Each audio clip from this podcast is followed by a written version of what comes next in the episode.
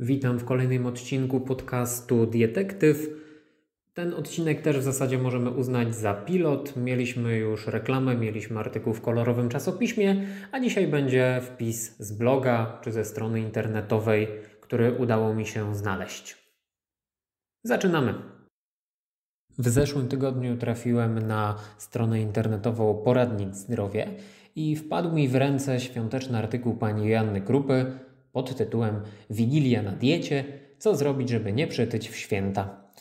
Było z nim trochę śmiechu, trochę przecierałem oczy ze zdziwienia, no i koniec końców postanowiłem nagrać o tym podcast. Autorka zaczyna swój tekst tak. Co robić, by nie przytyć w święta? Jak uniknąć świątecznego obżarstwa? W ciągu 12 miesięcy nie pozwalamy sobie na tyle jedzenia i takie łakomstwo jak podczas świąt Bożego Narodzenia. Podpowiadamy, jak pilnować diety w Wigilię i święta, żeby nie przybyło nam zbędnych kilogramów. Jest to odważna teza, no bo co z wakacjami all inclusive? I tutaj nie mam poparcia jakimiś artykułami, ale z moich obserwacji wynika, że największe obżarstwo to jest jednak czas wakacji. Jeśli chodzi o same Boże Narodzenie, okazuje się, że najwięcej tyjemy nie w same święta, a w dni dookoła. Sprzyjają temu okoliczności typu różne śledziki w pracy, wszechobecny świąteczny klimat, marketing w sklepach, e, różne jarmarki świąteczne, no i same przygotowania do świąt, próbowanie potraw, e, no i na koniec dojadanie to, co zostanie po świętach, żeby po prostu się nie zmarnowało. Jeżeli dołożymy trochę matematyki, to sprawa stanie się trochę bardziej klarowna, bo po Bożym Narodzeniu stwierdzamy, że ważymy zazwyczaj 2-3 kg więcej. Żeby organizm odłożył kilogram tkanki tłuszczowej, musimy zjeść 7,5 tysiąca kilokalorii ponad nasze zapotrzebowanie, czyli między 15 a 23 tysiące kilokalorii dla zyskania tych 2-3 kilogramów. I tak naprawdę no, trudno byłoby zrobić to w trzy świąteczne dni, w zasadzie dwa świąteczne plus kolacja wigilijna, ale jeżeli ktoś ma święta od Mikołajek do Trzech Króli, no to w te 30 dni zjeść 15 tysięcy kilokalorii to już jest bardziej prawdopodobne i myślę, że nie byłoby to problemem. Dalej autorka pisze tak. Wigilia i Boże Narodzenie na diecie zwykle pozostają w sferze marzeń, a ty kończysz co roku tak samo. Przerumienione na maśle pierogi z kapustą i grzybami, rozpływająca się w ustach kutia, nieco alkoholu. W rezultacie nowy rok witamy z dodatkowymi kilogramami i postanowieniem drakońskiej diety. Natychmiast i bez dnia zwłoki. A przecież wystarczy przestrzegać kilku zasad, żeby od świątecznego stołu wstać z pełnym, ale i płaskim, zdrowym brzuszkiem.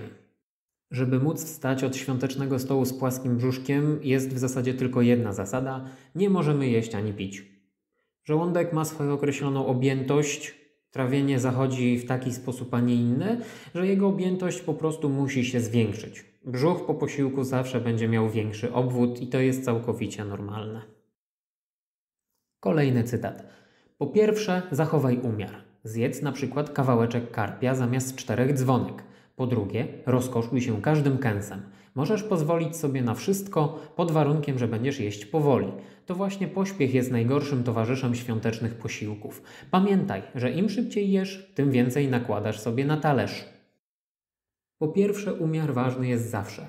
Pilnowanie wielkości porcji czy wręcz liczenie spożywanych kalorii w jakiejś aplikacji daje dobre efekty, jeżeli myślimy o kontrolowaniu masy ciała. Niedoszacowania, kiedy jemy na oko, zdarzają się często i nawet zdarzają się dietetykom. Po drugie, nie spotkałem się jeszcze z tym, żeby ktoś jadł szybko podczas świąt. W końcu jest to dzień wolny od pracy, ale prawdą jest, że pośpiech przy jedzeniu nam nie sprzyja. Gdy się spieszymy, zjemy więcej, ponieważ sygnał, który dociera do środku sytości, potrzebuje trochę czasu.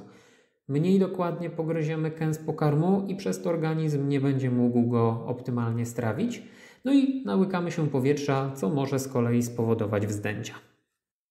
Dalej autorka pisze tak. Świąteczne obiady zaczynają się na ogół po południu i trwają dobre dwie godziny. Jeśli więc wstaniesz od stołu po piątej, zrezygnuj z kolacji.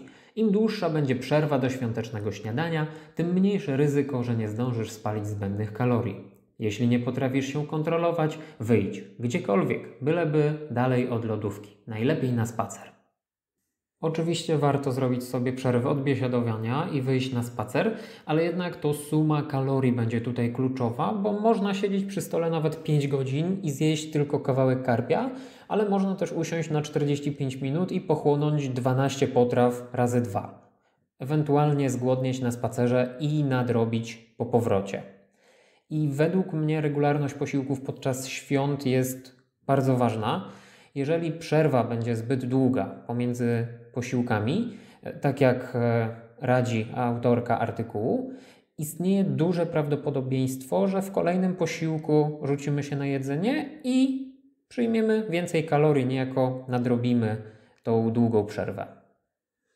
Dalej autorka wymienia dania, które są dozwolone, a także dania, które są zdradzieckie. Nie będę tutaj wymieniał wszystkich. E, podane są przy nich też wartości odżywcze. One mogą się zgadzać, mogą się nie zgadzać. E, nie mogę tego zweryfikować, gdyż nie w każdym przypadku określono ilości, a to będzie kluczowe, żeby określić, czy podane wartości są prawidłowe.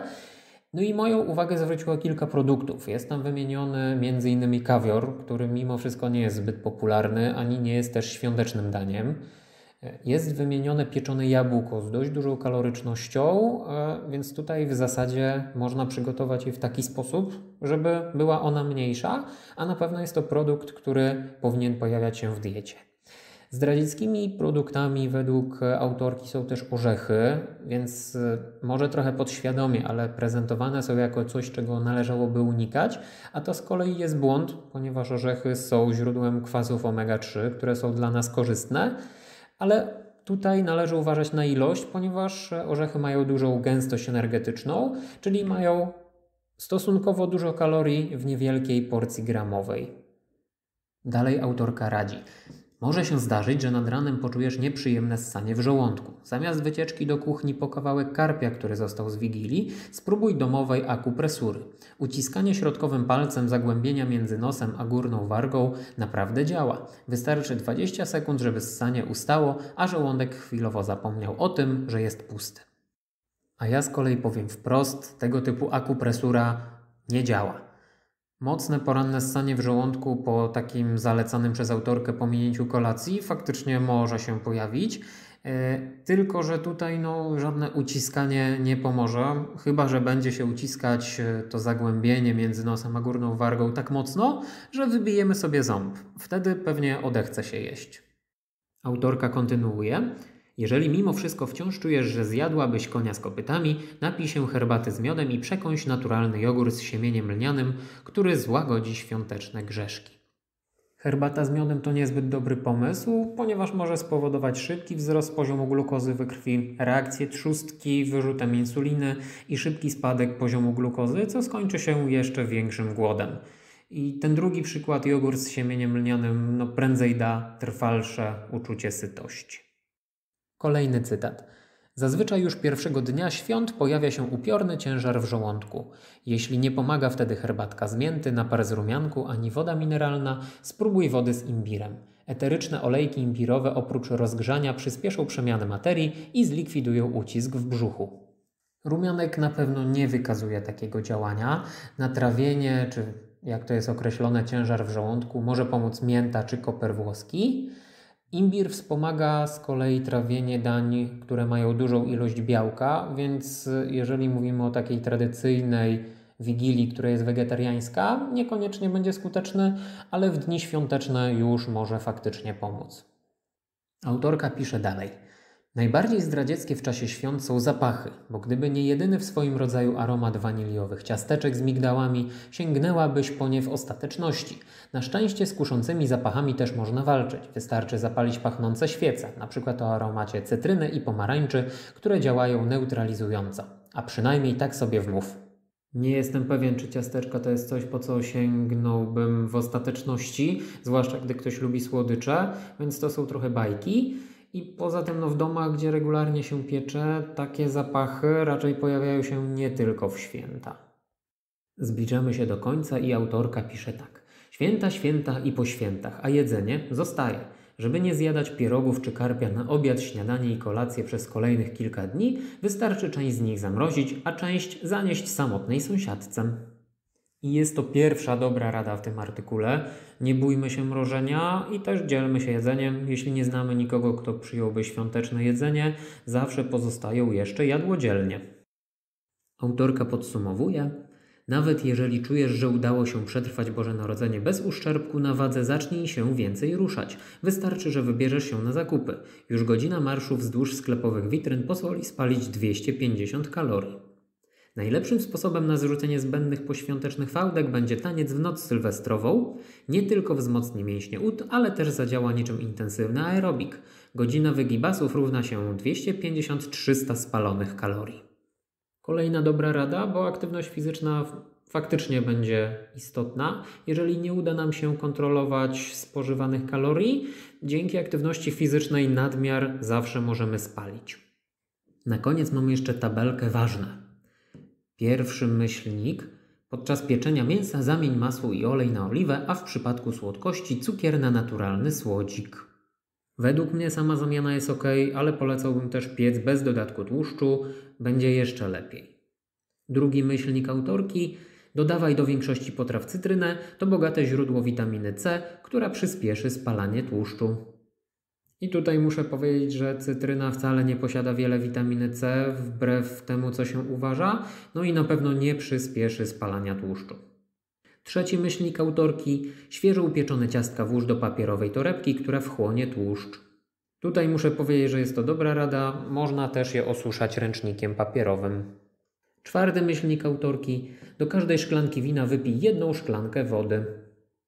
Jest to częsta imprezowa rada pozwoli wypić mniej wina i też zapobiegnie odwodnieniu. Jako podsumowanie powiedziałbym, że artykuł posiada wiele zbędnych rad. Pamiętajmy to, co mówiłem na początku. My tyjemy głównie przed świętami i po nich, dlatego uważajmy już w momencie, gdy w sklepach pojawią się pierwsze ozdoby, a radio zagra Last Christmas i święta wcale nie muszą trwać od Mikołajek do Trzech Króli. Jeśli spełnimy ten warunek w Boże Narodzenie, czyli kolacja wigilijna i dwa świąteczne dni, możemy sobie trochę odpuścić z dietą i po prostu skorzystać z dań świątecznych. Przez to, że artykuł trochę mnie rozśmieszył, no i jest niegroźny, dostanie notę 4 na 10. A ja zachęcam Was jeszcze do udostępniania tego nagrania, do linkowania podcastu, subskrybowania kanału. W przyszłym roku postaram się, by było to bardziej regularne niż do tej pory. Myślę, że sam format jest całkiem nie najgorszy. Dlatego do zobaczenia w przyszłym roku. Wesołych świąt, szczęśliwego nowego roku. Cześć.